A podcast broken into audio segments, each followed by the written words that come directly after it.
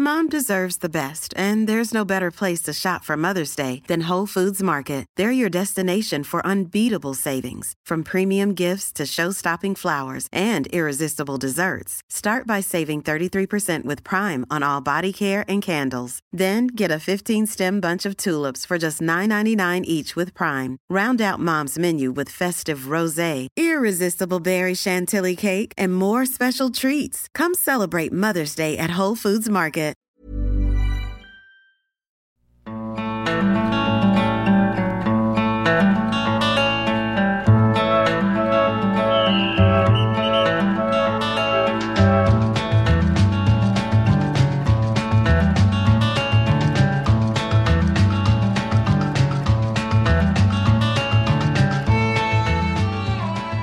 Varmt välkomna till den allsvenska podden. Det är onsdag.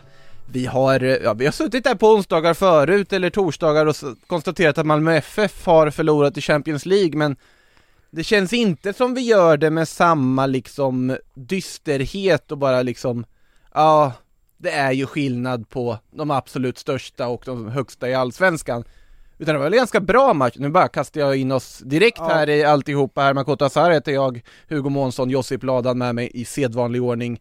Men vi börjar där. Nej, måste vi ens diskutera den matchen? Det här är Allsvenska podden och det, vi, det är liksom, vad är det, fjärde, femte raka förlusten nu. Det är, det är tröttsamt att diskutera Malmö mot uh, superlag liksom. Det är jättetråkigt. För att de gör ju en bra match eller? Ja, då kan vi nöja oss där. En bra match. Vad säger du Josip? Nej, tagen på sängen. Nej, jag tycker Malmö gör, gör, gör det bra i den här matchen och men också att det är en, en effekt tror jag av um, Sirius uh, vändningen där. Ja, och, och det kommer vi till ja, sen. Vi, så vi, vi kan väl ta oss direkt till den egentligen, så går vi in tack. på det allsvenska spåret, tack. Då börjar vi så. Tack, tack. Lokal, eller vad heter det, nationalpatrioten, det kanske man inte ska säga, men alltså Nej, allsvenska patrioten. Hugo... inte alls det epitetet. Nej, det, det, det epitetet slänger vi rakt av här nu.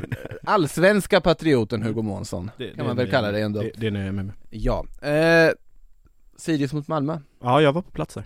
Ja, vilken vändning! Det får man säga. Uh, det, det var faktiskt anmärkningsvärt. Det såg man inte, eller min kollega Per Boman som satt bredvid mig sa vid ställning 2-1 Sirius i, ja nu ska vi se här, men i kanske 70 minuten så sa han att, eh, ja men jag ger fortfarande det här eh, 70, eller Malmö har 70% chans att vända matchen. Jag, jag skrattade lite lätt och sa så här, menar du är på allvar? Så ja men får de in 1-0 innan 80 och då, då, kommer de göra, eh, eller får de in 2-2 innan 80 minuten, då kommer de även vända till 3-2. Eh, det var ju precis det som hände.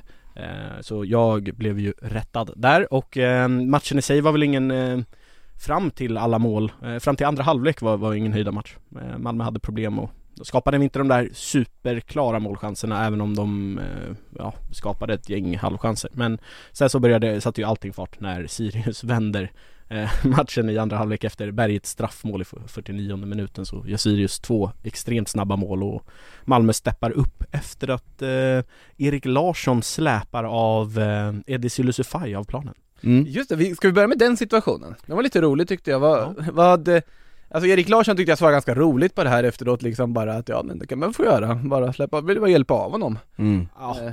det, det var, han vet ju mycket väl att Jo såklart han, han gör, sa att man, han, han, han sa att man vet, jag, jag, visste inte att man inte fick göra det men det, det är klart att han vet att man inte kan ta en spelare och släpa. Jo alltså det är ju glimten i ögat svar på alltihopa men alltså det man blir alltid glad när ett lag är liksom så frustrerat över ett mm. annat lags tidsfördröjande, mm. att no det slutar med att någon släpas av en plan. Det, all det finns alltid någonting uppfriskande i det tycker jag. Jag gillade Daniel ja. Bäckströms svar, eh, när Erik Larsson började släppa honom.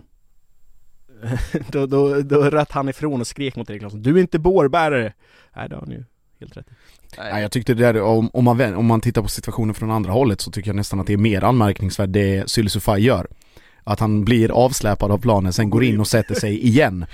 eh, och om det då renderar i, i varning för Erik Larsson för att han släpar av honom så borde det också, att du går tillbaka in på mm. planen också Ja. Eh, var, i alla fall i varningszonen Jag, jag köper det ändå, mm. men ändå så här, han, det var ju ändå där han började någonstans En spelare har väl ändå rätt att få så här, någon, for, eh, någon form av kort avbrott för att ta av planen, så, så att han, det var ju där han började Du menar att det är där förseelsen sker? Och liksom att det, det som händer, alltså avsläpningen och hela den grejen, det är liksom en sidogrej. Jag, jag, köper, jag, jag köper båda. Ja, Jag köper, Jag båda. Alltså, fattar- köper jag Erik fattar vad Larssons du- reaktion och jag köper Silasufais reaktion också. jag fattar. Jag tror att detta hade, det hade inte varit, jag tror inte det hade varit en lika stor grej om det hade skett mitt ute på planen. Nej. För att här var det i princip vid Han hade behövt liksom släpa sidlinjen. ganska långt då. Ja, det, Ja, men det här var ju liksom två steg från, från sidlinjen framför bänkarna så det är klart att det hjälps liksom späs på lite av, eh, av, de, liksom, av båda.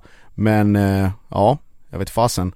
Ehm, vi får väl, får väl se, vi, vi återkommer till det. Nu fick vi ju, Ja. nu är det ju breaking news. ja men faktiskt. Ja. Det, här, det här måste vi ändå ta upp. Ja, alltså det är ju precis här nu, just nu. Ken Sema tvingas lämna återbud till VM-kvalet. Ja, vi ska ju hålla oss till Allsvenskan, jag vet, men Kerim Mrabt ersätter. O- oerhört oväntat. Det, det var länge sedan. Ja det, det var det. Mycket overkligt namn faktiskt. jag tyckte det piggade upp lite. Han har ju, jag glömt bort fullständigt tills jag såg en artikel förra veckan tror jag, med att han gjorde två mål eller något sånt där. Mm. Eh, Jag måste faktiskt ärligt talat säga, vart är han nu? ja, jag tyckte precis I. Mechelen, Ja just det, det med Gustav Engvall va? precis. Ja, just det. Ja men vad kul att det har lossnat i Belgien, får man väl säga då. Undantagsfall, att det Ja, lossnar för verkligen. en svensk i Belgien. Ja, Ja det, det är också en av de så här mest alltså, trö- trötta spaningarna som finns. Det är tufft för svenskar Ja, som åker det är- till Belgien. Den, det är väldigt den har dragits några gånger. Ja. Eh, men faktiskt, ja, det måste jag säga, och det får man ursäkta ens okunskap, men sju mål på 35 matcher, enligt Wikipedia som inte alltid är helt uppdaterade heller. Nej. Eh, Det är inga F- skämssiffror är det ju inte. Det är ju inte heller några som får mig att blåsa av stolen. han, Det är det inte han, mycket som får Monson att göra. Nej, det- han, han har med 27 matcher i Birmingham ändå.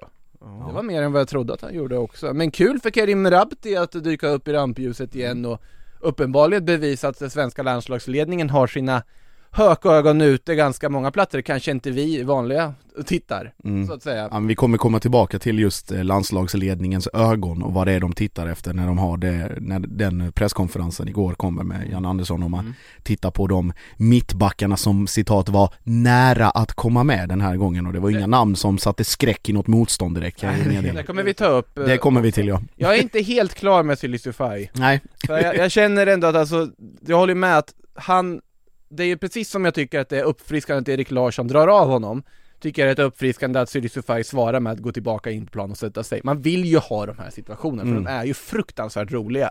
Jag tycker båda har rätt också. ja. Ja, alltså, men där du menar att båda har rätt så är det så att du menar att i och med att det har skett en förseelse att du har då en rätt som spelare att få fördröja spelet när du Inte ligger av. fördröja men om du är skadad så har du ju rätt att invänta behandling. Det var väl det han gjorde. Ja det var, han, han han, blev ju han blev kvar han- och sen han- så kom han tillbaka. Han ligger på gräset. Men han får ju sin behandling utanför, så du menar att han har rätt att Nej, men- det ska också ska ta tid i matchen? Ja, jag förstår Siri, ju hans Ja, eh, jag- tankeperspektiv absolut, men det är ju minst lika fel som det Erik Larsson gör, Jo, att dra av honom, så att Ja. båda gör ju fel, men båda gör också rätt. Och då, och då är det ju också så här, hur ska du sanktionera de här grejerna? Antingen släpp, släpp, släpp. släpp, båda, ge inte varning till någonting, eller ge varning till båda. Inte, nu blir det något konstigt mellanläge här, liksom att, att du går fram och, och, och varnar den som, som släpar av. Ja visst, vi kommer till andra märkliga, eller eh, vad heter det, smått kontroversiella varningar sen efteråt när du ska få berätta vidare här, nu är det ju när Nej det, det var ju klart det här. Eh, Det var väl bara en anmärkningsvärd vändning av Ja, ja, precis. som, som eh, ger dem en oerhörd boost för självförtroendet om inte annat Mm. och Colak som vart ifrågasatt, inte minst av undertecknad här mm. Ehm, Kommer ju in och, och avgör matchen med två mål eh, i slutskedet, precis det han ska göra. Så Mm. väldigt bra. Ja, vi, vi kommer väl till nästa då intressanta kort. Ja. Där eh, Antonio Colak, efter att ha gjort det här förlösande 3-2 målet, springer rakt ut i bortasektionen, fina bortaläktaren på studenternas Mycket, sida. mycket en, en, en arena vi har hyllat tidigare och Värt kommer att hylla göra igen. Ja. Ja, eh, där han springer ut dit och för kramkalas med fansen. Som sig bör. Ja, jag Ja. tycker också som sig bör att springa ut dit och liksom, det, det hör till. Det är ett oförglömligt minne för Antonio Colak, det är ett oförglömligt minne för supportrarna som är honom närmast där, och det finns någon sorts liksom gemensam eufori, och jag tycker det finns något vackert i det. Sen att det gula kortet kommer upp på det, Mm. är, ja, det är ju korrekt, utifrån hur reg- reglerna är skrivna. Sen kan man diskutera, ska reglerna vara så? Mm. Men där blir jag, där blir jag också väldigt kluven, för även om jag uppskattar den här typen av firanden och oftast så tar ju en spelare kortet för det liksom. Det är okej, men i det här fallet blir det uppmärksammat för att Colak då blir avstängd i nästa match som såklart är viktig för MFF som slåss om titeln. Men om du då skulle säga, men det här är okej, vi kan inte liksom kortbelasta den här typen av förseelse, så sätter du ett ganska farligt prejudikat. På ett sätt ja, också. Alltså, det, då blir det ju en diskussion. Nu, nu, jag vet att Hugo hatar domarinsats och det är inte det vi ska prata om idag utan vi pratar om regeln, hur den är formulerad.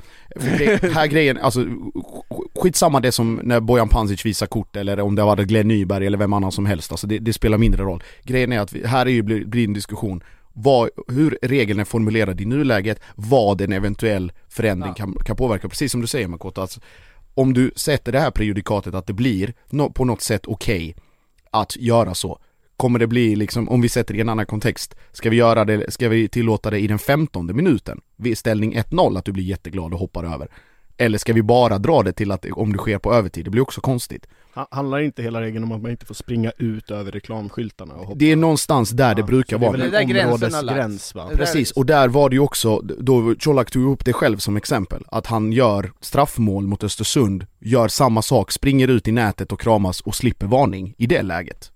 Ja, och, då, och det är ju här det intressanta Ja. för det är väl det som också förklarades efteråt att regeln som då, alltså föranleder det här kortet är också att du ska på något sätt uppvigla supportrar till att vilja ta sig in på planen. Mm. Men då blir det också Och så det här, är en otroligt luddig formulering, för hur upp, det så att det, det var väl någon tomte där bredvid som liksom ramlade över staketet i samband där också när han liksom, Mm. men det där trycket kommer bakifrån Ja, liksom så. och det finns såklart det finns en fara där, ja. utan tvekan. Men då blir, det ju, då blir ju inte Colak bestraffad för det han gör, utan då bestraffas ju han för att det han får publiken att göra, och då blir det också konstigt. För att då är det ju inte själva hans förseelse som är bestraffningsbar, utan då är det publikens agerande. Och lycka till att lägga band på 600-700 pers som har kommit, liksom åkt 6 timmar buss och, och fått se 3-2 i 92 det säger ju sig självt att det kommer ju aldrig gå liksom. Oavsett så får man väl förhålla sig till, det är ingen ny regel som man har lagt till Nej, eh, absolut Colak inte. borde veta om det här, om man inte gör det så är det hans ansvar att veta om det här eh, sedan innan Så att det, det är ju verkligen inte någonting nytt och därför eh, helt ointressant men det är ju som slita av sig tröjan, alltså regeln egentligen, alltså det är Ja. Ja precis bara att den här, alltså att göra en regel där man får slita av sig tröjan, det skulle egentligen inte göra någon skada för någon på något sätt, förutom att folk skulle slita av sig tröjor hit, här och var på liksom fotbollsplaner.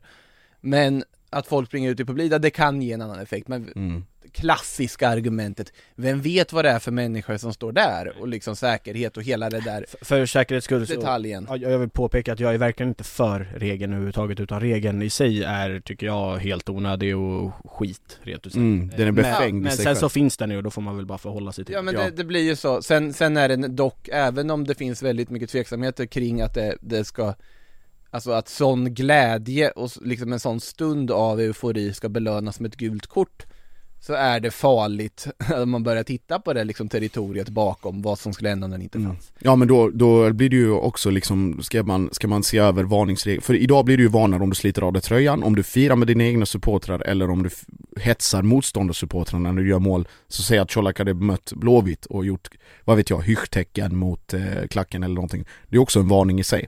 Ja det är också ett gult kort ja. Det är också gult kort. Så att Då uppviglar du då uppviglar funkar och då, är det ju, då blir det också så här, ska, och det som vi, vi alla är rörande överens om här, att vi tycker att regeln i sig är befängd. Jag har personligen inga som helst problem med att om, om en spelare vill, vill käfta lite med motståndarsupportrarna och lägga händerna bakom öronen eller den typen av varningar. Jag tycker bara sånt är, sånt är liksom, det, det hör till det hör till. Hör till. Lika mycket som det hör till att fira med sina supportrar när du gör 3-2 på, på övertid. Inga konstigheter Där kan man väl också se en skillnad mellan att eh, fira med sina egna supportrar Mm. eller att provocera motståndarlaget. Det, det är ju mer berättigat med ett gult kort om man eh, firar med, Om, ja, ja, om vi, om man, om man eh, pekar finger mot motståndaren. Ja om vi ska, om vi ska hårdra det så, absolut, absolut. Jag menar bara att liksom, det, det, det kommer behövas en regel, eller en diskussion kring den här regeln eh, framöver, men också i den andra aspekten av det här med gula korten.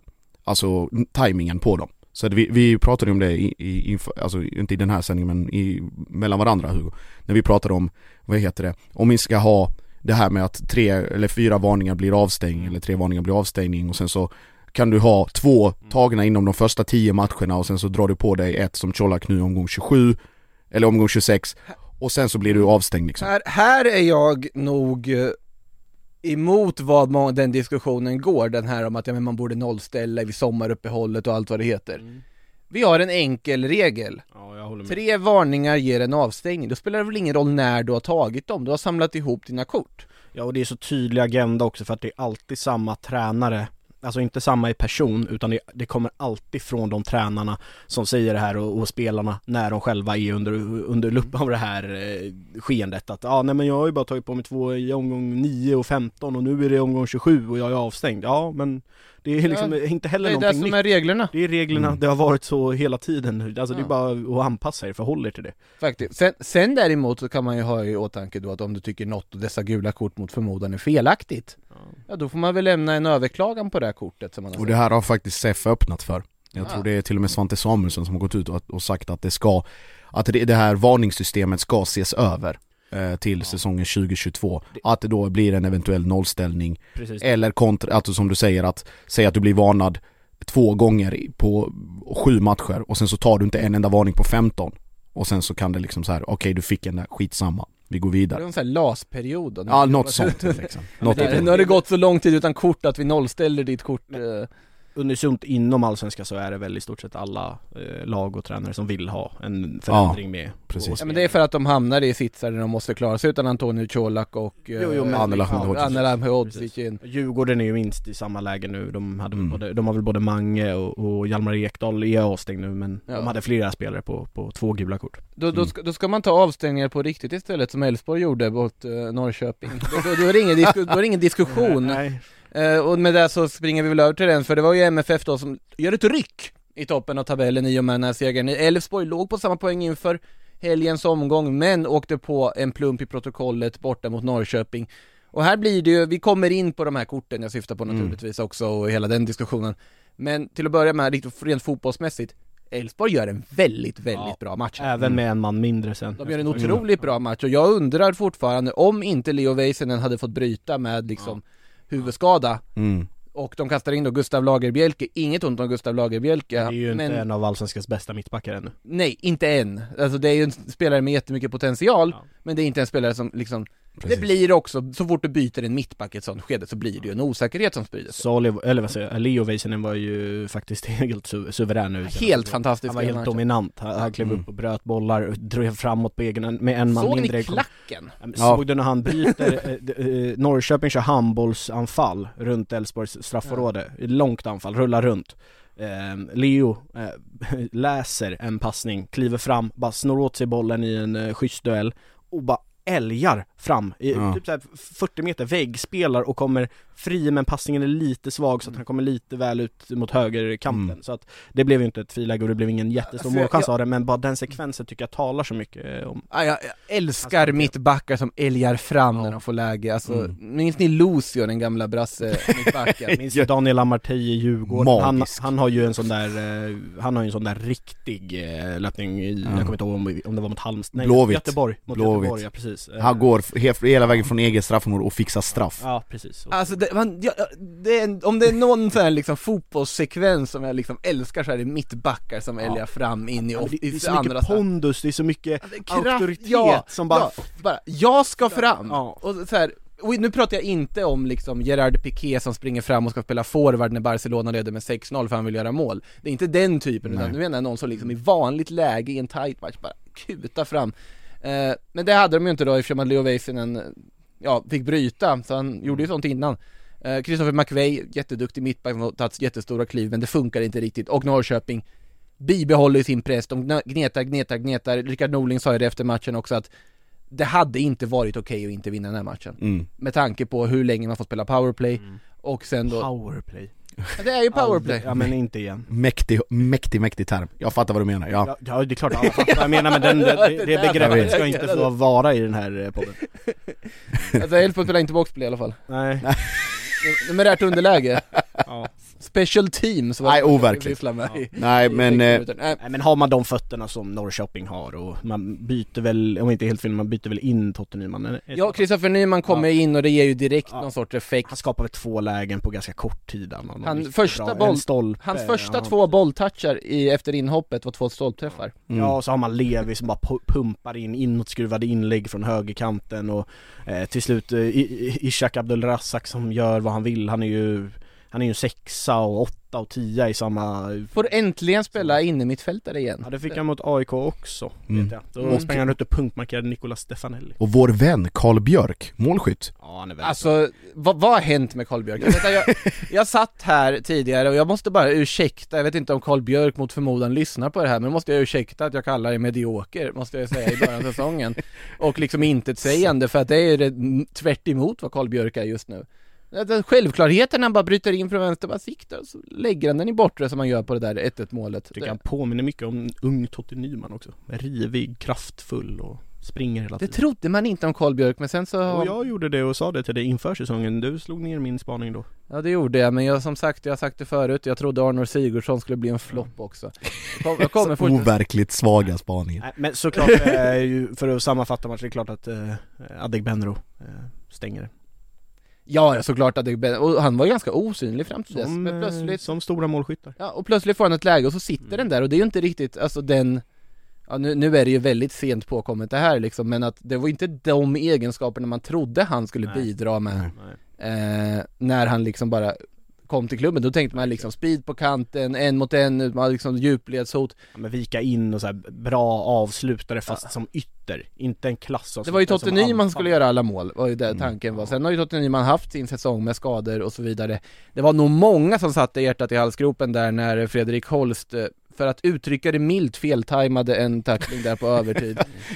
Fick direkt flashbacks till eh, Frans Brorsson på Jamie Hopcat på Stadion för många år sedan. Eh, också en sån här bara kropp, liksom råsatsning ut över Det, sidan. det, var, det var liksom så här, det fanns väldigt många kort att diskutera i den här matchen, men det här kortet var väl kanske inte något av dem, om vi säger så. Eh, måste också faktiskt, även om det är jättetråkigt för oss som eh, jobbar som journalister och vill ha liksom citat och känslor efter matchen, så måste man ändå skicka en eloge till Jimmy Tillin som trots allt liksom, som är liksom kontroverser som finns i den här matchen, med hela den här situationen med Simon Strand, med liksom, och så vidare, och irritationen som finns hos Elfsborgsspelarna, som bara säger fotboll är fotboll. Och bara konstaterar att nej, han tänker inte lägga någon kraft på att hålla på och gnälla på domare eller något sånt där. Han, han, han är bara liksom stolt över hur de hanterade det, men att sånt händer. Och det är smart av honom i det läget också för att det är liksom så här, vad ska du elda på och, och tappa fokus på det? Liksom Han pratade ju tidigare, vi, vi hade ju den här tränarintervjun, vignetten. Och då säger han hela tiden, eller återkom hela tiden till att liksom, vi har bara en plan A Vi har ingen plan B utan det är liksom det vi har, det, det tror vi på. Och att liksom då i det läget börja, som du säger, lägga fokus på, på domarna eller på någon felaktig utvisning eller på sådana saker. Det ger inte varken, det ger varken honom eller Elfsborg någonting. Det är bara liksom, ja nu är det var det 3-2 här, eh, tuff match, många avstängda nästa, det är bara fokus på det nu, släppa och åka vidare liksom. Det är inte, Och inte mer med det. också var frågan liksom, ja nu har du Väisänen, Strand, Holst, Römer borta till nästa match. Ja men vi har en bred trupp. alltså bara, ja okej, ja, ni har tappat liksom hela ert innermittfält, en, en av seriens bästa vänsterbackar, en av liksom, Mm. ja, seriens bästa mittbackar, ja men det löser sig. Det löser sig. Ja vi får väl se om det gör Det, det. det är en chans för andra spelare att kliva fram, som men sa. det, är ju det och Elfsborg har en bred eh, Jo, jo, med, men- med potential men det är ju också helt, eh, ja jag ska inte använda för starka ord men det är ju inte särskilt Alla förstår ju att det är ju supertapp Alltså Ja, ja. Ba, bara Väisänen, ja plocka bort Anel Ahmedhodzic eller Alexander Milosevic eller någon från valfritt eller Jakob Une Larsson eller Hjalmar Ekdal från Djurgården, det, det kommer ju jättestora Fast effekter alltså att Jarjue kommer tillbaka nu från avstängning, det är ju ganska viktigt på så Jo, sätt. men, men för att- eh, ja. han, han är ju fortfarande inte, det är en bra mittback men, Ja. men eh, Leo Väisänen är ju, ju i toppskiktet av eh, Till saken hör också att det var Jarue McVey som eh, höll show mot Feyenoord hemma så att de har spelat ihop tidigare så det, de, de klarar sig nog. Men ska vi då komma till elefanten i rummet? Ja du, jag tänkte, satt och tänkte på just Ja, elefanten vår, rummet vår vän Simon. Simon Strand. Eh, Alltså, till att börja med det, det var ju väldigt tydligt också, nu, nu har faktiskt Simon Strand, han har, ju, han har ju ett rykte om sig att vara något kortbenägen Även om Jimmy Thelin inte höll med mig när jag försökte prata om det just på presskonferensen Fast det är han ju. Mest Ja, men här- utvisningar 2019, Ja, mest ja, men- varningar 2020 Jimmy Thelin var tydlig med att nej men jag tycker inte att han är så kortbenägen Nähä. Ja men förra året då? Ja men det var förra året mm.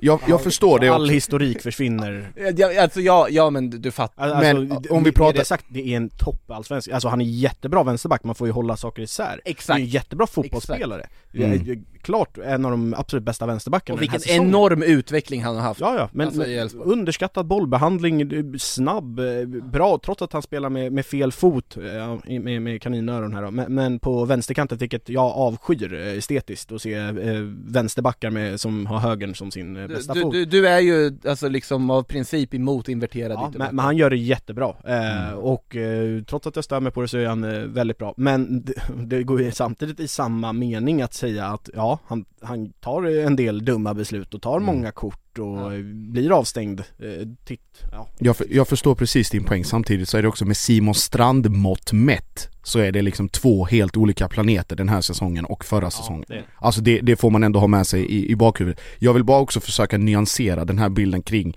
hela den här kameraincidenten som faktiskt sker eh, Man får ha i beaktande att, att Strand går ut och klappar om sin tränare liksom på ett avstånd som är kortare än vad vi har här mellan oss och det, det ska sägas det är kanske en, en halv meter. meter, Ja, vad sa du? en meter en meter max.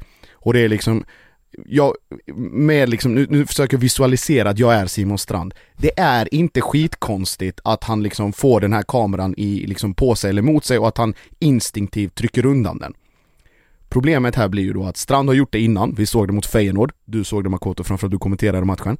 Han går inte ens fram och tittar hur det är med den här stackars kamerakvinnan i den situationen. Han tittar inte på kameramannen här heller. Han hjälper inte sig själv, men jag försöker återigen poängtera att det var inte heller så dramatiskt som många ville få det till. Alltså jag såg folk liksom skrika och gapa och liksom skriva av sig som att det vore världens största överfall och det var det inte. Det är liksom en, det är en naturlig reaktion på någon som är besviken i ett läge som är dumt och han vet om att det hängde i luften. Jag tror han hade, innan det andra kortet kom så han hade hade han en annan situation som där han klarade sig på håret. Och att Strand vet om det, jag är helt övertygad om att han, att han själv vet om att han har den här stämpeln på sig att han hela tiden måste vara extra försiktig. Men det var inte liksom heller så att han tog den här 50 000 kronors kameran och sulade upp den 500 000 tror jag till och med. eller fem, ja, vad det nu kostar, och sulade upp den på läktaren. Det gjorde han inte heller. Han knuffar undan varit- i ett alltså, läge där han varit väldigt, nära fotografen. Alltså, det är ju fel men man förstår ju också hur Simon Strand känner sig när man blir utvisad i den matchen, i det läget av säsongen. Ja. Eh, De leder med 1-0 vid den tidpunkten också va? De, Ja. Ja, De leder med 2-1 till och med väl? Ja kanske, Ja, ja, minns 2-1 inte. kanske Ja, mycket ja. väl är. ja, och, och bli utvisad där och det är ju tack och godnatt och han vet ju mest troligt också om att det kommer Men här- precis bli som det blir, att eh, Norrköping nu har eh, extrema möjligheter att vända. Det är klart att han är arg, Mm. men det rättfärdigar ju heller inte Nej, nej, absolut hans inte. Jag- agerande. Jag försvarar inte agerandet, det är två helt olika Han saker. Kan, ja, jag, Ja. Jag, jag går inte mot dig, men han kan ju bara gå och sparka stenhårt på en jävla vattenflaska in i spelarbåset eller någonting och sen kliva ner i duschen. Det, Han Mm. behöver ju liksom inte gå till angrepp mot eh, en, eller slå en kamera, det är bara Nej. onödigt. Ja, det, Här- här- det är för att det första som, så, Ja, ja, man är det väl första som kommer till hands Ja, liksom. man är väl inte så där- rationell Där, där är ju också så här. Jag, jag satt ju och såg den här, eh, inte ur vinkeln som alltså tv-tittarna Mm. fick se det med liksom när kameran bara flyger iväg. Mm. Utan jag såg ju det framför mig några meter bort när han går förbi.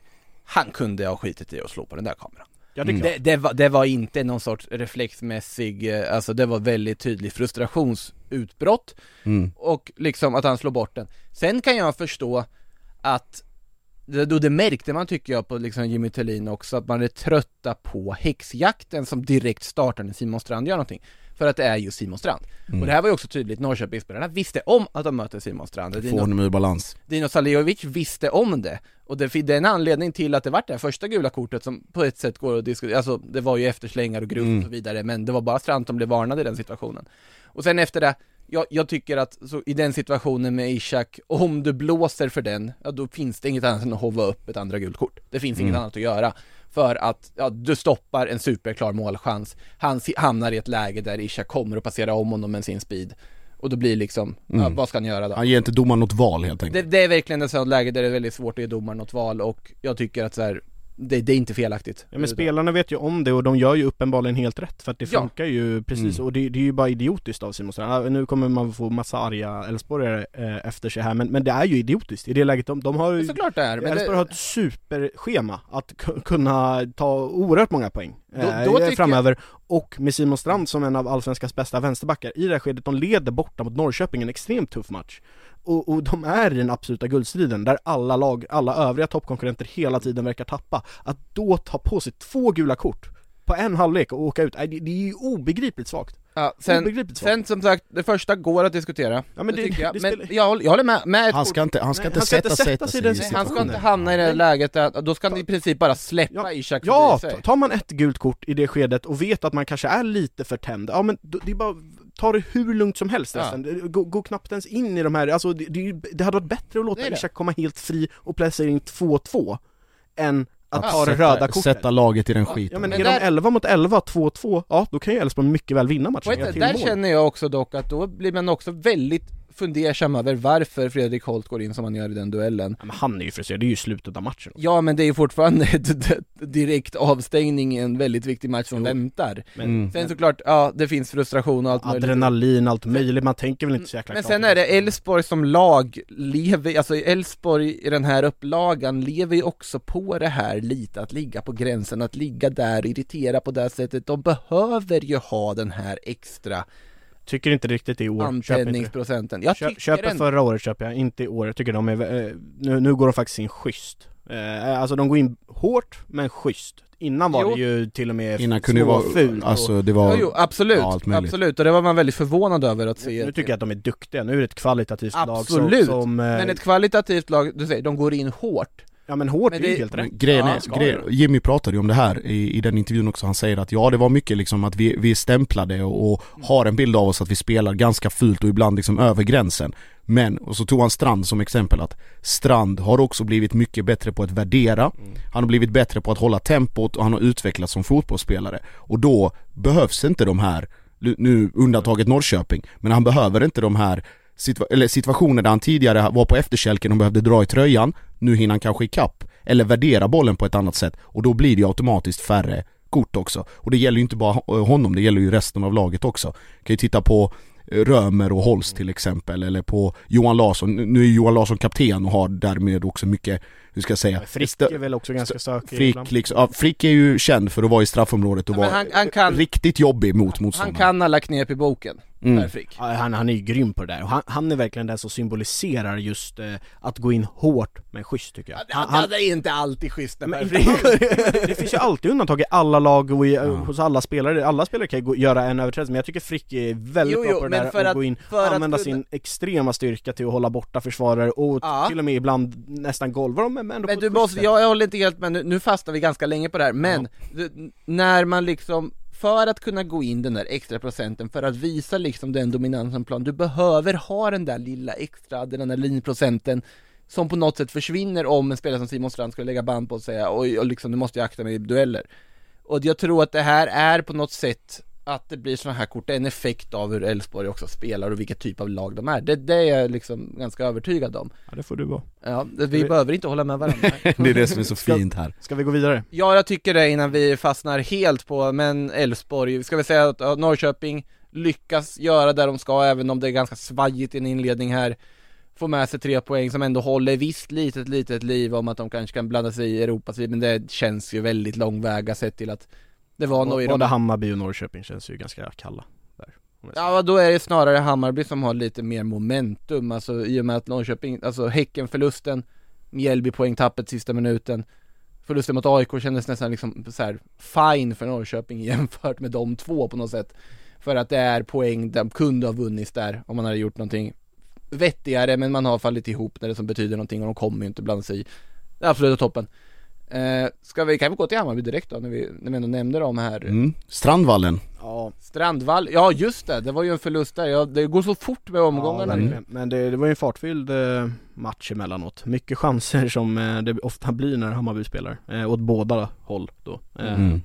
Slutändan, vad ska man säga? Det hade ju kunnat sluta precis hur som helst. Mjällby är ju vassare och gör mål när det behövs och Hammarby har ju Även när det står 1-0 till Mjällby har ju Hammarby mängder av chanser att, Mm. eh, är- alltså där det är inspel och bollen typ flyger vid mållinjen men Gustav Ludvigsson och Amo och de där eh, lyckas ju inte peta in någon boll.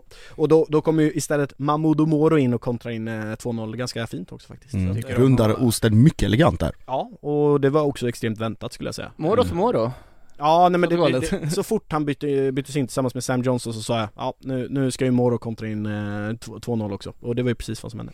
Också pikant eh, detalj i sammanhanget att eh, Joel Nilsson gör eh, en väldigt bra match och eh, berättar då, eller det avslöjas då av, av Sportbladet efteråt att eh, han ju, går till just Bayern nästa säsong. Jätterimlig värvning. Absolut. Jätterimlig värvning. Det som, det som, jag, sett till egenskaper och sett till liksom vad behovet är i Hammarby till nästa säsong, väldigt given som du säger. Dock ett varningens finger redan nu för att eh, det finns en historik mellan Joel Nilsson och Milos Milojevic från Mjällby. Att Milos när han kom inte såg någon plats för, för Nilsson i laget och helt enkelt ville ha bort honom. Eh, Nilsson plockade ihop sina saker, åkte till och med och provtränade med andra lag i, i Allsvenskan. Eh, men då löste det sig då tack vare lokale starke man tillika sportchef Hans Larsson som löste en extern sponsor och fick Joel eh, Nilsson att stanna kvar. Och resten är som man säger historia, Milos gick ut i Europa och Joel blev kvar i Mjällby och nu kanske de, eller nu verkar de då återförenas i, i Bayern. Extremt intressant att se hur, under vilka förutsättningar, vad tanken är att han ska vara, om Ja. han ska utgå som en renodlad wingback Precis, eller om han ska vara en mi- yttermittfältare. För det är där jag vill hoppa in när du säger att han är given och att Bayern har behov. Va, vad skulle du säga att eh, de värvar honom som då? Ja det är en jättebra fråga, det är ju frågan är hur, hur, hur Milos vill ställa upp. Han vill ju köra 4-3-3 till nästa säsong. Ja, då, då, då, då, passar inte Joel Nilsson som en högerback. nej då blir han ju inte, då blir han ju en, en central trea. Eller en central, Nej, eller ytter på, Ja, på, och det, där på den centrala riktigt trea. att han har spetskompetenserna för, och är tillräckligt bra för att konkurrera Och då ska man också, där ska man också lägga till då att det har diskuterats som Kevin Jensen. Eh, och att han, han, har varit, vänsterytter va? ja vänsterytter, men alltså det har varit diskussioner kring, kring Kevin Jensen. Talang. Precis, eh, 20-årige Kevin Jensen som även Djurgården har varit på. Vet att det har funnits intresse för Joel Nilsson från även Hammarby, eller från eh, Norrköping och IFK Göteborg. Så uppenbarligen är det ju speeden, man, om man bara tittar på Jensen och, eh, och Nilsson. Speeden man vill åt, man vill ha det här att de är bra en mot en. Men också att de är lite så irrationella i sin, sin löpstil och sin spelstil också. Så, men det är som du säger, alltså utmaningen blir ju Ska han spela som en renodlad liksom ytter i, i, i tremanna anfall eller tremanna mittfält? Ja, där ser Ja. jag inte riktigt han, det är ju Då måste han skolas om. Ja, som i viss mån. Alltså i, perfekt som högerytter i ett 4-4-2 Mm. eller som wingback i ett 3-5-2 men eftersom att Milos vid upprepade tillfällen har sagt att han vill eh, spela 4-3-3 med Hammarby, eh, bara det att han hade gjort det om han hade haft en sexa eller en balansspelare. Eh, ty- det det tycker inte han att han har i Hammarby Nej precis. Och då med situationen, hela situationen kring Jeppe Andersen. Jag tänkte och, precis säga ja. stackars Jeppe Andersen. Ja, som, det, Ja, som han kommer är försvinna ju, också. Han är ju mer än åtta. Jo, så är det. Andersen, och det, Han- det är har ju- de, de testade ju honom i, i, eller Milos testade ju honom i den där mer defensiva rollen Ehm, Och han funkade inte riktigt, han är inte så bra på att täck, täcka ytor han är, han är bra, han springer, sliter mycket, han bra passningsfot men inte tillräckligt bra Alltså smart defensivt, alltså Ja, defensiv spelförståelse. Nej, så ja, med, med den lilla utläggningen där, eh, Nilsson till, till Hammarby, det blir eh, spännande. Och framförallt intressant att följa Bayerns silly season under eh, höst, senhösten Ja, och vintern här. För det kan ju hända något på utsidan också, som jag, jag skrev här i veckan också att Aziz Ouattara ehm, det, det, enligt uppgifter till Sportbladet så, så eh, eh, har de kommit överens om att sälja honom nu efter säsongen och det Mm. finns klubbar, intresse från europeiska ligor som Belgien, Italien, Spanien, Frankrike ehm, Där eh, franska Rennes är en eh, konkurrent Är inte Mm. franska ren alltid inblandade? När det gäller talanger, jo absolut Ehm, Ja, de är alltid med! Men en solid, solid prislapp på 15 till 20 miljoner. 20 till det, 25 20 till 25, Ja. ja. då är det bara att tacka och ta emot för, för Bayern. Det är, Jag har läst många Hammarbyare på, på Twitter som menar på att de ska ha det dubbla eh, Ja. med Odilon. Jag ser väl inte riktigt den höjden i eh, och- Absolut inte, och en annan grej också, Twitter är, ska inte Nej. tolkas som någon indikator Nej, på någonting, det- något det- rimligt överhuvudtaget. Nej, Bara för att lyfta ut det till alla där ute. såklart det är så. Ja, Jag ville mest också slå Ja. ner det att eh, några 60 miljoner kommer det inte bli, eh, eller 50, 60 Nej alltså. Odilon är ju lite så här nästan lite once in a lifetime fynd på sätt i liksom spetskvaliteterna han och det ser vi på att han Akin eh, Amo Jo men det är en annan sak med en sån mittback som Odilon är som liksom Mm. Ja det ser bara några år senare nu har gått för 250 millar till liksom Bayer Leverkusen. Mm. Eh, när ni börjar prata om sex år i Hammarby börjar jag titta på vad gör Johan Persson nu för tiden? Men han slutade ju just det där för 20 år spela. sedan. Johan Persson? Ja, han- sheriffen har Jag slutat. pratade med honom för bara eh, två år sedan faktiskt i telefon Bara två, jag trodde du skulle säga att det är bara två veckor sedan Nej nej nej, nej. jag pratade med honom då, Jag gjorde en julkalender med gamla, för, för när jag var på Fotboll Stockholm Mäktigt. Vajrare vi minns Var det det? Nej men, ja men lite minnen från honom och sådär Ah, okej. Ja, i alla fall, Hammarby alltså förlorade mot Mjällby med 2-0 kanske vi ska säga också, jag har, Ja. har inte nämnt det kanske i Och våra- Anders Torstensson flyger vidare med hans Mjällby Ja, ja han, han landade ju en stund ja, Och Carlos, den ja jo, men nu flyger de ju, och Carlos Moros Gracia är ju, är ju Ja. kanon Ja, Moro som Moro Uh, Josip har ju uppat honom sedan han skrev på, och Mm. det är väl bara att skriva under otroligt läcker nickskarv till eh, 1-0 där Ja, Verkligen verkligen. Och där ska Mjällby vara glada om de lyckas stå emot eh, flera andra klubbar här i vinter för att göra det som han har gjort på de här, den här korta perioden. Det, är- det är inte många som, som är i den pariteten, kan jag säga. Och eh, tre otroligt viktiga poängen, allt intressantare strid kring kvalstrecket då. Sirius var vi inne på tidigare, tappade mot eh, MFF där de var nog på väg mot poäng. Det, det var inte bara viktigt för MFF, det var ju blytungt för Sirius också som ju verkligen bara liksom störtdykt närmare kvalstrecket nu. Detta Mm. i och med att Mjällby vann och passerade om. Halmstad dessutom som vann och besegrade AIK hemma på Örjans vall. Jajamän, Eh, och, där var jag på plats. Ja, och där var vi ju, det var ju såklart blytung trepoängare för Halmstad Blytung förlust för AIK också, Mm. Josip, som du sa, på plats, vad, vad Ja, eh, och det jag tar med mig framförallt är ju två, två väldigt tydliga saker. AIK har extrema problem med sin offensiv. Eh, alltså, Den spaningen är det är ingen, det är ingen, det är liksom såhär, oh shit, nu har han upptäckt elden. Nej, men att, att i det här läget av säsongen, i det här tabelläget, i den här, det, alltså det finns inte för mig är det förvånande att du inte lyckas få fram mer desperation och mer liksom offensivlusta eller någon form av vad ska jag säga, vill, vilja är fel ord men förmåga att kunna göra någonting mer konkret i det tabelläget du befinner dig. För samtidigt har man överhängande att Djurgården vann, att Malmö vann, att man själv, att man bara är beroende av sitt eget resultat. Och då leder mig in på punkt två, att det kan vara, alltså det kan finnas förklaringar i, i kvaliteten på, eller nivån på, på gräsmattan. Det kan vara att Halmstad är, är smarta och, och backar hem med hela laget och satsar på kontringar. Det kan vara att de gör det svårt för AIK medvetet att de liksom med sina tunga mittbackar och sin statistik och en Malcolm Nilsson i hög form också, nu ska jag säga, gör det jobbigare för, för AIK att ta sig till, till bra lägen. Men att man då mellan spelarna i AIK, det är mycket gester, det är mycket frustration, det är utslagna armar, det är mycket liksom skrik, eh, gap tvärs över mellan lagdelar att när man tappar ut bollen. Det är inte liksom att man sluter sig tillsammans och går framåt utan här är det mer liksom att man väntar på att någon någon ska ta ansvar. Att någon ska ta ansvar eller att någon ska bryta igenom att någonting annorlunda ska hända. Nu har man otur när Stefanelli går av skadad. Som visade, eller försökte i alla fall på sin, nu, var han Vänsterytter vänsterytter i den här matchen, precis. Eh, men som i alla fall försökte och som hade väl ett par dueller där med, med Halmstads, Halmstads försvaret. Men att man tappar honom och då tappade man egentligen allting. Filip Rogic kommer in, ersätter med den äran, blir också hockeytacklad i straffområdet. Eh, blev ingen straff den här gången, men tvingas då som ett liksom eh, som ett led i det här, eller från den skadan, att kliva av senare. Så han blir både in och utbytt. Och man har, man har det materialet man har, man lyckas egentligen inte skap, skaka fram någonting vettigt. Halmstad å sin sida, Ante Johansson, trotjänaren, springer fram och petar in en boll som var misstänkt offside. Men På det det, var på reprisbilden det var på reprisbilderna Ja, tydligt, onside, eh, frälser Halmstad i det läget och det är det, precis den här typen av segrar som Halmstad behöver, på, framförallt på hemmaplan för att hålla den allsvenska drömmen vid liv. Jag, jag tycker lagen påminner mycket om varandra, om man, alltså man bara generaliserar dem båda Ja Mm. men det är, väl, ju det är väl ett problem för, alltså med all respekt till Halmstad, det är väl ett problem för AIK? Nej men det skulle jag inte säga. Eh, båda har sina extrema styrkor i defensiven. Och Det, är, Ja. ju- det är ju AIK-styrka, det är ju ingenting att hymla om heller. Nej men Att- så är det, att- det, det är det AIK, AIK-metoden, det är deras modus Ja, operandi men att Josips spaning nu i november att AIK inte är eh, briljanta offensivt, det, det, det kan väl hela fotbollssverige unisont men- skriva under på. Ja, Jag bara. jag fattar vad du menar. skojar med. Eh, så, Mm. så är det absolut, men de har inte offensiva nycklarna. Men då, vad, vad gör man då? Jo men då får man vara tunga, Jobb, det är som Sebastian Larsson Milosevic har sagt hela säsongen, ja, men Mm. vi har våra styrkor, vi vill utveckla vårt offensiva spel, det går inte jättefort att göra det mitt under en säsong hela tiden när man förväntas ta resultat och ligger med där uppe. Eh, Mm. då, då får man istället bara anamma det man har och då har man en jäkla stabil, eh, allsvenskans bästa försvarsspel uppenbarligen, eller i alla fall individuellt sett. Halmstad kanske har eh, till och med bättre försvarsspel men sämre individuella spelare där.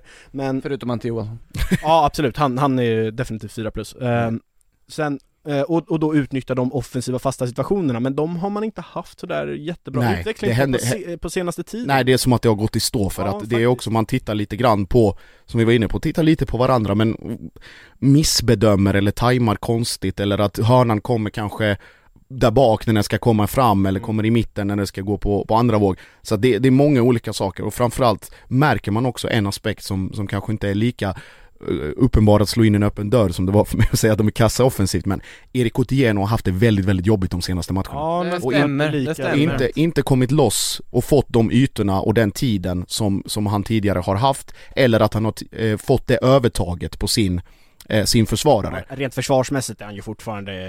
Försvarsmässigt, det är ingen absolut. Men, honom. men det, är ett off, det är ett offensivt hot som AIK har använt sig väldigt mycket av fram till nu. Thomas Boachi ska ha all Ja. cred i världen för hur han stänger ner Otieno i den här matchen. Jag tror Otieno kommer förbi på 90 minuter två gånger. Men Boachi är också väldigt lik i spelartypen, extremt snabb, låg tyngdpunkt och gör livet surt för Otieno och pressar honom liksom Mm. egentligen från från off, AIKs offensiva planhalva ner till, till hörnflaggan och, och låter honom liksom Kommer springa ihjäl sig. Även väldigt smart spelare. Kolla där på, på um, vad är det, är det precis innan halvtid som han har nått, eh, där det är en fin passning, eh, Halmstad får Mm. frispark på offensiv planhalva och jag tror det är Alamari som sätter igång snabbt med en djupledspassning mellan Precis. mellan eh, Sotte och eh, Otieno och då är det ju Buace som Ja. har smygit i, eh, vad säger man, döda vinkeln för Otieno bakom honom och kommer in Precis. Och får ett Eh, superläge. Och får ett friläge lite väl till Ja. höger och ett väldigt dåligt avslut Ja. men, men otroligt smart löpning Verkligen. Och det är, ja, som, eh, och så, som, för att sammanfatta det då eh, AIK är extremt eh, tuff och frustrerande period just nu Kommer, alltså den här matchen mot ÖFK som redan är utslagna, kommer som en skänk från ovan Att det bara handlar om att liksom slappna av, gå tillbaka till det, till, till Hade det inte varit väldigt AIK att spela 0-0 redan? Nej, Nej, nej Alltså- det, är, det är inte mot ÖFK Nej, nej, nej, nej. Inte i det här omgången, läget. Nej. nej. Alltså, De- De kommer vinna både mot Sirius och mot Östersund som de båda är Ja. hemma. Sen så är det ju betydligt tuffare mot Varberg och mot Elfsborg på bortaplan. Ja, Jag men tror alltså- Elfsborg borta kan bli kölhalning faktiskt Alltså grejen så här som gör mig mest fundersam kring AIK är ju att även om jag som sagt offensiven har strulat, det har vi hört Men att det här höst guldstrid Det är ju en period där AIK ska frodas, det ska inte se vackert ut. Det ska inte vara glamoröst Men det ska vara typ 0-1 segrar på en sen tilltrasslad hörna i minut 92 Det är det som ska vara liksom det som är liksom AIKs melodi. De ska ändå få med sig de här poängen. Det har de uppenbarligen inte fått och det på får mig- hemmaplan, inte på bortaplan. Ja men spelar Det- ingen roll, spelar jo, ingen det spelar roll. jättestor jo, roll. i den här säsongen har det spelat Ja, fantastiskt stor roll, roll. absolut Tre på 13 Det, det är ju Ja. helt andra lag när, när AIK Ja, och och det- gästar ett Och det är ju anmärkningsvärt tycker jag alltså. Det är anmärkningsvärt tycker jag Ja. Mm. Eh, Så hemma mot ÖFK kommer de ta tre pinnar. Ska vi, ska vi helt skriva bort dem guldstriden? Eller vi nej, ska- vi ska vi inte göra något sånt, men, nej, vi jag tror inte att de vinner guld. Det är jag tämligen övertygad om, men jag ska inte skriva av dem. Eh, Jag har väl vänt lite där från mitt initiala tips efter att det inte riktigt gått som jag trodde kanske i de matcherna som har varit Eh, Och vem fick helt rätt i sin analys? Vi har, serien är inte slut än Månsson Men däremot så måste vi säga någonting mer om Ante Johansson för han var ju faktiskt ett av namnen som ändå funderades lite kring Ja men vi kan väl gå in på det som Janne Andersson sa igår under trupputtagningen. Ja, person, Janne Andersson som tidigare har kallat Ante Johansson för så nära en son han kan Ja. ha i princip Och, Eh, och vår eminente kollega, eller eminenta kollega Linn Nordström ställer frågan om Hjalmar Ekdal var aktuell eh, för truppen. Eftersom att det då med anledning av att Mm. det är backkris för Starfelt och Hellander och Halvskadat Lindelöf Lindelöf Precis, missade matchen och- igår för, ja. Ja. Och även att Pontus Jansson har ju såklart avslut, avslutat eh, sin eh, landslagskarriär och eh, då får ju hon som svar att eh, det fanns många där i skiktet precis bakom Bland annat Hjalmar Ekdal Malmös eh, Frans Brorsson eh, Halmstads, eh, stannar han till lite innan han säger Halm, eh, Ante Johansson, eh, Ante G i, i Halmstad eh, Eller Andreas Johansson säger jag nog faktiskt ja, eh, Och även Jakob Une Larsson och Sotiros eh, Papagiannopoulos i AIK eh, Det är väl de namn Ja. han nämnde va? Va- Ehm, va- Linus då? Nej, nej, Linus Alltså att, Fran, att Frans Brorsson är med i den diskussionen, det, det kan man hålla ett helt specialavsnitt om. Sotiros Eller- Papagiannopoulos precis. De enda jag ser är väl egentligen Jakob Une Larsson Ja, E- och eh, Hjalmar Ekdal. Ekdal eller Ante G Inget ja, snack. ja, men Ante G Ja, tycker jag. ja. Eh, jag. Jag tycker det, men Ja. där är man ju nog ganska ensam också. Han är 39, det vore ju lite konstigt ifall man plockar ut en Ja, fast 39 Det är som när Nils-Erik Han- Johansson blev uttagen i Ja, han, landslaget. han återvänder ju inte heller till landslaget, det är ju inte Zlatans eh, återkomst direkt för Ante Johansson utan han har ju... Hade han, Ante Johansson fått sitta i rookiebordet med typ Gyökeres och gänget? han kliver chans. rakt in i, i högsta Ledarstaben. Han sitter Han sitter ju och, och eh, smuttar kaffe med Janne Andersson och käkar eh, varmkorv Ja det är sant, det är sant. Utan tvekan Nej alltså jag, tanke på liksom Ante Johansson som också som liksom person också. Och så här ledargestalt och allting. Så, så klart att man hade unnat och man hade blivit, liksom- man hade blivit väldigt glad av en sån uttagning att han skulle få få en sån landslagsbiljett. Och det hade varit väldigt Ja. rolig, alltså. Inte bara roligt, han hade ju inte gjort bort sig, han hade ju varit Exakt. bra där. han, han är ju alltid bra. Ja, Alltid. nej men alltså så här, och det hade varit en otroligt skön bollkänsla från Janne Andersson att ta ut honom med tanke på att man pratade om det på i början skämtsamt men efter den här allsvenska säsongen också ändå med liksom viss seriositet. Så att, eh, nej det, det är häftigt att se honom fortsätta leverera på fotbollsplanen. Men ingen av de här backarna som vi nämnt ska ju egentligen vara med i en trupp Men nu när Nej, läget precis. ser ut som det gör med så många skador så kan jag väl tycka att Hjalmar Ekdal eller ja nu blev det ju Sebastian Holmén har ingen aning om va, hur han går i den turkiska ligan Eh, Mm. Det Men ska ju eh, sägas också. att Och, det- han var ju bra i Elfsborg och, i övriga, och i övriga allsvenska spår, så, eller i allsvenska spelare som är uttagna så är det ju Milo eh, från AIK, Oskar Lewicki, MFF, Kristoffer Nordfeldt Nordfeldt och, Ganska stark signal hur mycket han tror på Lewicki också, hur högt Ja. han värderas Ja. på hur han snabbt han, är är- tillbaka. mm, och har gjort, alltså knappt spelat sen han kom tillbaka och ändå Ja. aktuell. Och var aktuell innan han Han skadade sig tackade också. själv nej va? I Senast. Förra. Ja exakt, exakt. Så att eh, det finns ju, det finns helt klart liksom material att, att behandla och att lyfta fram. Mange Eriksson återigen Mm. uttagen, kommer troligtvis att få speltid också. Det ser jag absolut inte som någon omöjlighet. Och nu senast Kerim Rapti Mm, Kerim Rapti, som vi var inne på, breaking news här. ja. Nu tänker, jag, oväntat. nu tänker jag googla vad Emil Bergström sysslar med nu för tiden. ja, han ska inte i Oj oj oj, i det, det där är ett holländskt mörker som heter duga. Jag tror han var inte han till, i Belgien nu? jag tror han till och med gick dit ja. Mm. Det var ju, han var ju i- utlånad från Heerenveen till MN om jag minns rätt. Willem Tvei, Willem Tvei, Ja. Ma- Max. Svensson. Ale- Ale- Max Svensson där? Max Svensson och eh, Bergström i Willem Tvei. Man tänker ju på Holmén Alexander tidigare Isak. också Tvei. Ja. Det är ju Alexander Isak man tänker Och på kanske Isak, främst, men ja. Willem Tvei också. Mm. Nej, Josip tänker på, på Emil Bergström och Mm. Max Svensson Overkliga Willem Tvei. Ty- tycker det är bra att hålla sig uppdaterad på sånt här ibland, för man är ganska dålig på att ha koll på alla som liksom flyttar runt där, de som Ja. liksom har gett sig ut i det där livet och sen hoppar runt mellan klubbar. Emil Bergström alltså i Willem Tvei nu för tiden. Simon Tibbling var väl också i MN som Mm. låg Men, tok sist. Ja, Dit, där Peña kom ifrån till MFF också, samma klubb. Jag tycker vi tar oss till Djurgården med den där Emil Mm. Bergström segwayen, för de har vi inte nämnt än och de är ju i högsta grad med i guldstriden. Ja. Ser jag om Elfsborg i och med det de åstadkom under den här helgen. Och det, det känns så konstigt att Djurgården, nej, inte att Djurgården är med där, men det, det känns som att de har liksom fallit i en eh, formsvacka. Det, det, saker och ting stämmer inte riktigt lika som det har gjort eh, tidigare under säsongen. Mm. Både defensivt och offensivt. Nu släpper man till, alltså Örebro gör en av sina starkare insatser på länge. Eh, de, de har ju bud på, okej nu är jag generös, men de, de, de skulle ju kunna med lite flyt få in en boll. Men de, de skapar ju ändå några så här halvchanser. Jake Larsson är rätt pigg i första halvlek men ganska svag i beslutsfattandet. Mm. Richard Friday, hade han varit lite lugnare och Ja, inte lika han- stirrig ja, så hade han ju kunnat ett friläge där som han exakt. kunde men snubbla väl på bollen. Väl, väldigt Mm. skicklig spelare, alltså det är någon som skapar Friday. saker. Jag tycker, jag tycker han skapar saker och liksom Behöver slipa bort Ja. väldigt mycket. Ja, Jag, jag ser väl lite... Alldeles överaggressiv i duellspel. Ja men det, fin- det finns en vilja. Och bara alltså och bara säga att det finns vilja i Örebro SK den här säsongen, det är Ja, men han, han har väl tydlig eller spetsegenskap i att han är så snabb Men Ja. som så ofta så behövs, så om man är så snabb och inte har nått redan europeiska ligor Då brukar det ofta brista i annat. Och i det här fallet så kan det både vara avslutsförmåga men även ehm, ja men vad ska man säga, eh, Men spelförståelse det, men det gäller ju i och för sig de, de flesta spelare i serien i allmänhet, även om de Ja ja, men då, då kanske det är bättre att ha en lite långsammare anfallare som är bättre på att avsluta och som kan eh, även värdera Ja, han, han är ju faktiskt Ja. i någorlunda form också. Ja, jag, jag live-rapporterade från den här matchen, jag var på Bern Arena och fick ju frågan från några ihärdiga eh, chatt, eh, ja eller personer i chatten att eh, när kommer ålen in? Redan från, eh, han kallas ju ålen, eh, redan från minut 10 och, då började, och eftersom matchen inte var speciellt rolig och underhållande så, så underhöll jag mig i alla fall med att eh, svara och diskutera med, med vår chatt eh, Med Ago Mehmetis eh, förmåga och när han kommer in och jag sa det förhoppningsvis kommer han in snart och sådär Ja och Mm. han kom ju in men skapade inte speciellt mycket Nej och det är också... Och Djurgården vinner, Banda målskytt eh, igen Mm. Mm. eh, När Rasmus Schüller saknas återigen Så, Mm.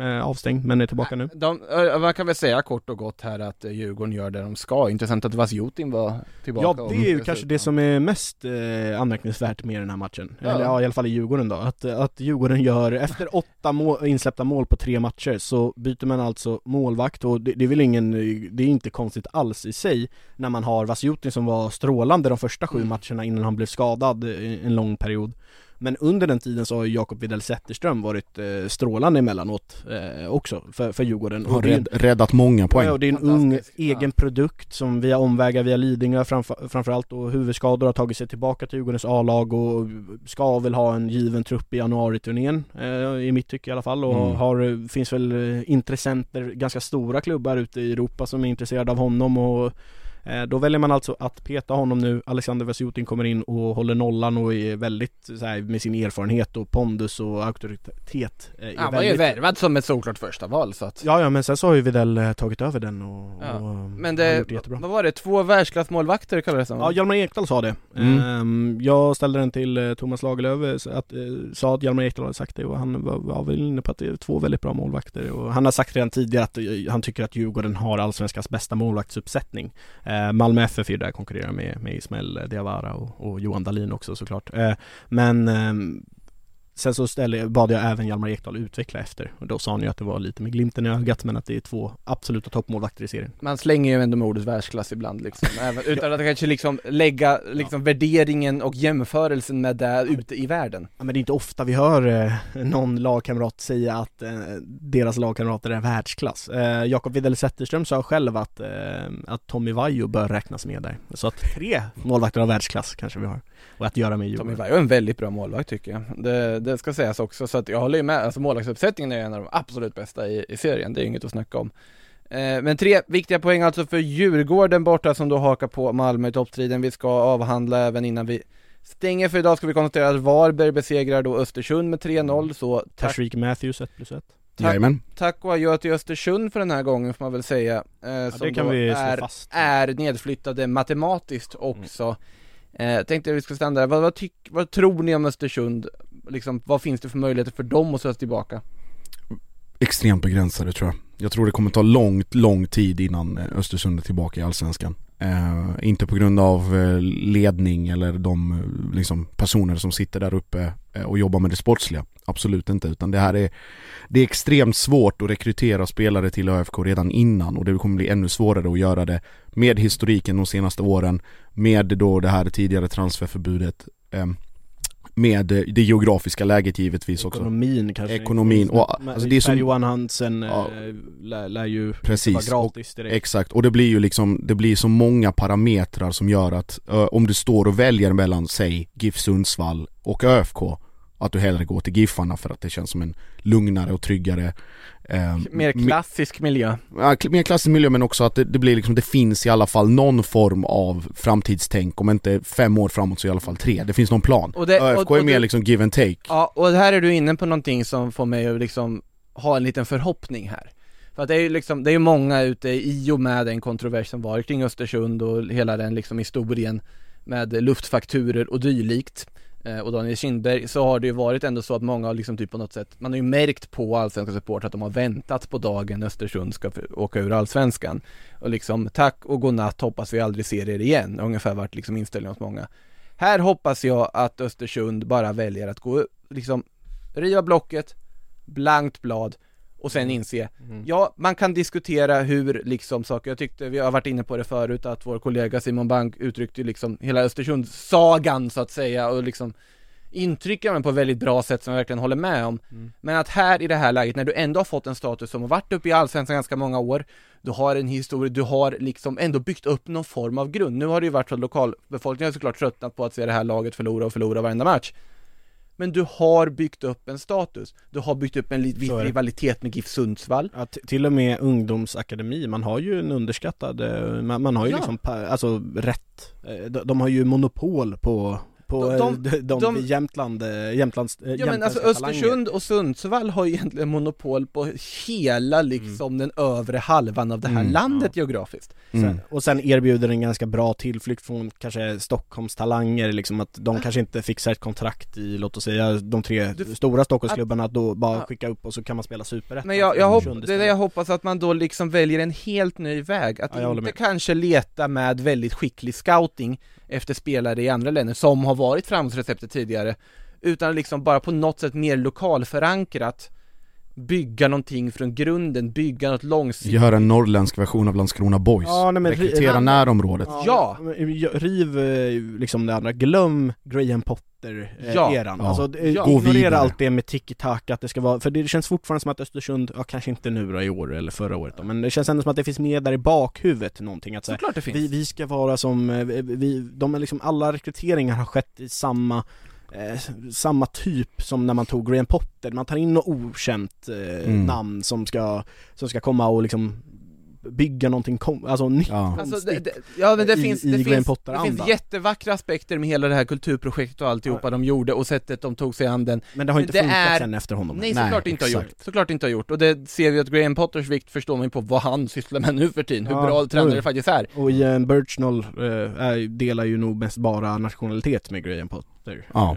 Eh, Ja, Inte så mycket men hade, Nej. ja, han, och då, då kändes det ändå som att de hade lite mer ordning på torpet Sen är ju, Då hade de ju fler spelare kvar från den Exakt, eh, det också. eran men här är det ju ett läge när du åker ner, om de inte liksom väljer att gå den här nya vägen Det kanske innebär att de åker ner rakt ur till division 1 nästa säsong, vem vet? Mm.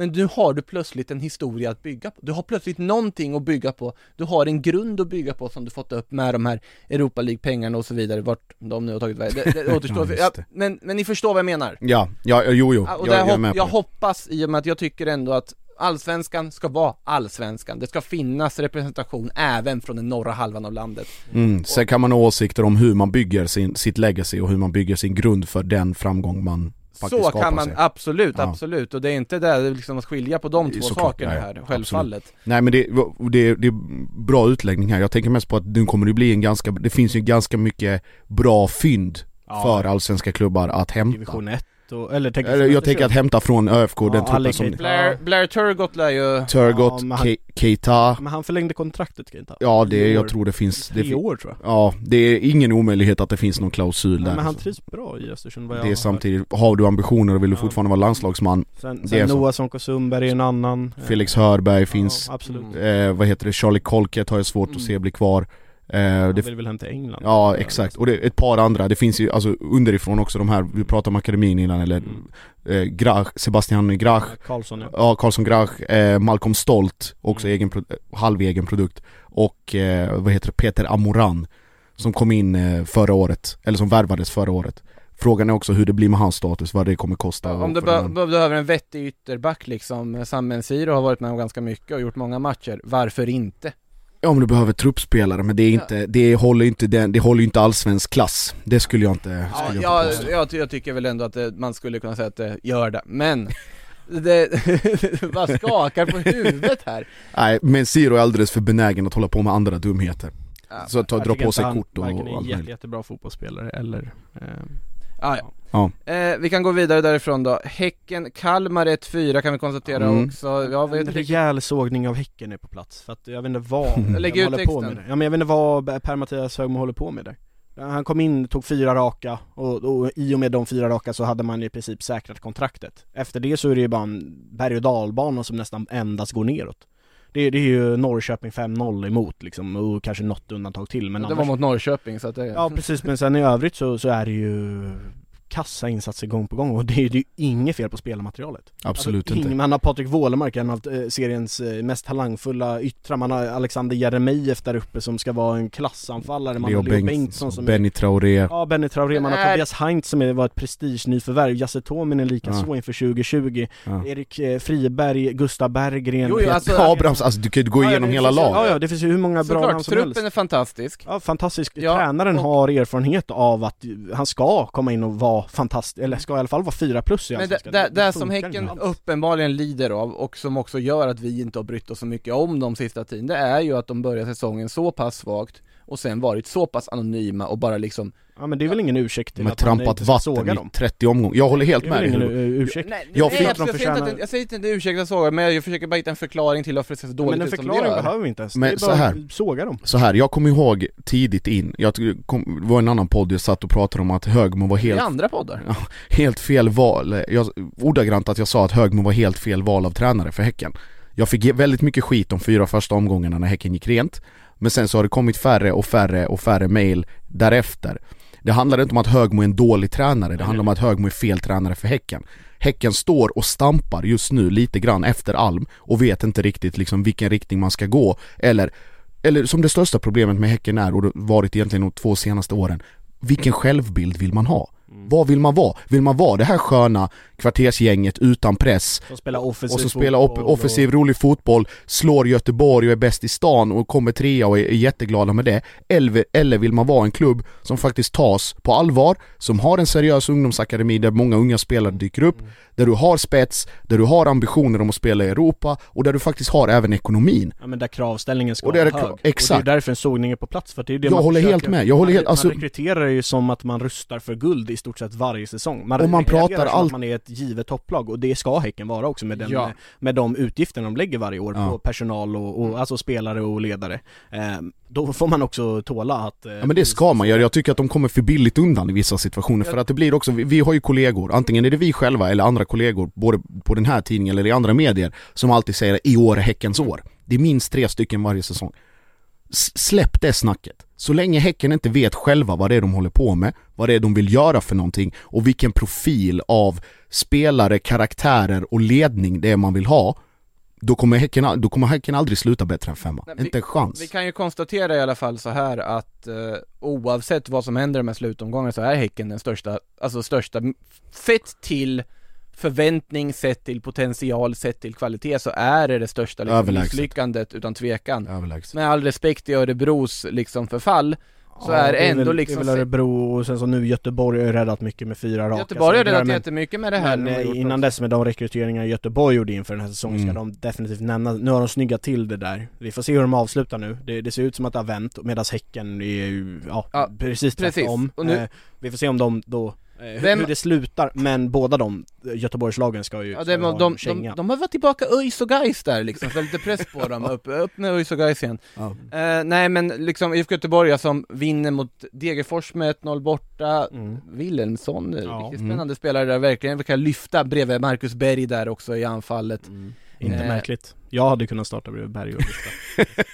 Ja det, det, det är av en spelare som Nej, gör sina Det- medspelare det- bättre Ja i och för precis, sig det är ju det jag försöker säga, att Berg är ju en klassspelare även om man kanske inte Vi hade alla lyft märker- med Marcus Berg bredvid oss Ja, men även om man kanske inte alltid kontext. ser eh, ut som Zlatan liksom i bollbehandling eller, alltså det, det är ju inte Premier League-touch eh, alltid eller sådär men det är ju en Dels fotbollsmässigt, alltså hans egenskaper tekniskt, mentalt, fysiskt är ju, är ju toppklass i Allsvenskan men sen så också att han har den där ledarskaps eh, och den där sällsynta förmågan att få de övriga i laget att Ja. lyfta sig. Mm. Det, gör. Ja, jag hör ju att det finns 30 000 tecken, vad hände i Grebbestad? Eh, att eh, reda ut här. Det Eh, det här, eh, vad heter det, luftrensningslägret som de åkte på efter matchen, eller Luftrensningslägret Ja, luftrensningslägret, att man skulle, det kom ju, alltså det förekom uppgifter om att det fanns interna grupperingar inom laget, att det var liksom mycket sånt, alltså ska jag säga, störningsmoment eller virus utanför laget och som påverkade prestationerna på planen.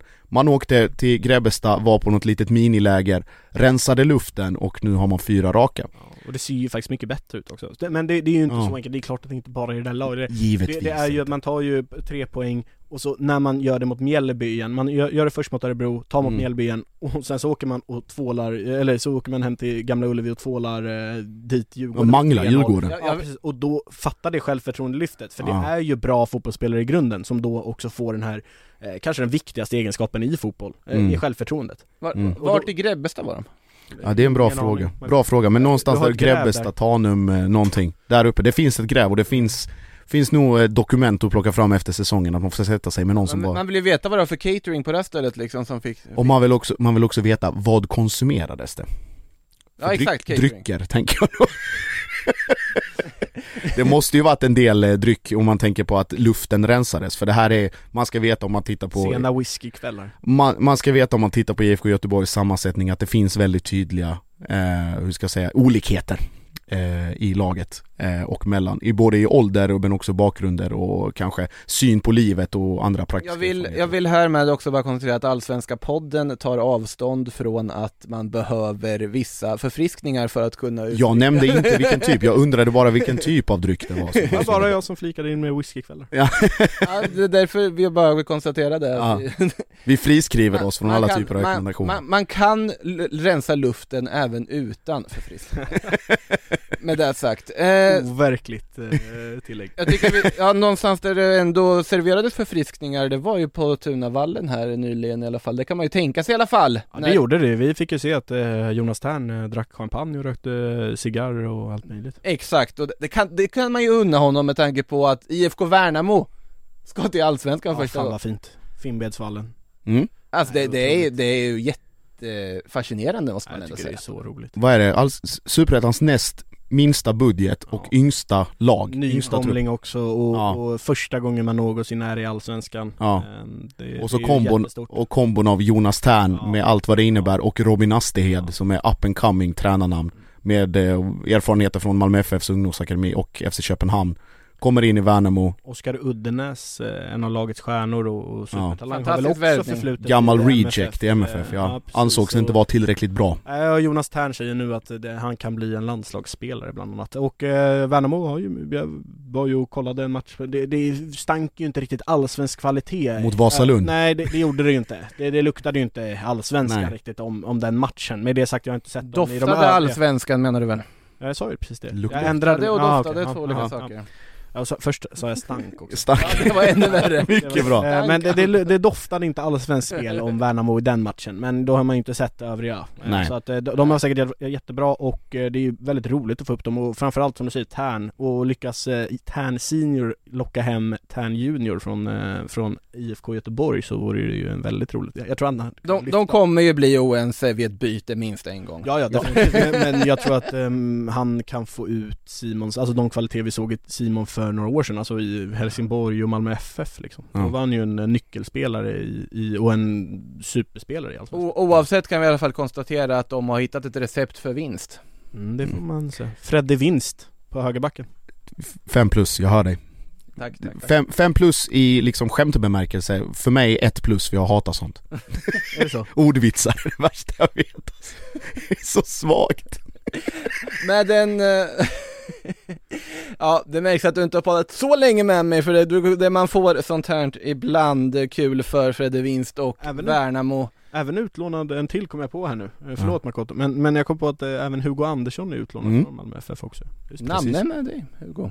Vad sa du? Otroligt svag spaning. Ja, det, Ja, det jag sa precis Hugo, du, du, Nu ja. stänger Ja, vi butiken jag, för jag idag. tror vi börjar känna att eh, det börjar bli onsdag faktiskt, eller onsdag kväll helt enkelt. Eh, Så är det Eh, stort tack Hugo Månsson, stort tack Josip Ladan, stort tack alla lyssnare. Allsvenska podden återkommer självfallet efter nästa omgång och eh, tar tag i allting som har med guldstrid och bottenstrid att göra. Med det sagt, ha det gott till dess. Stort tack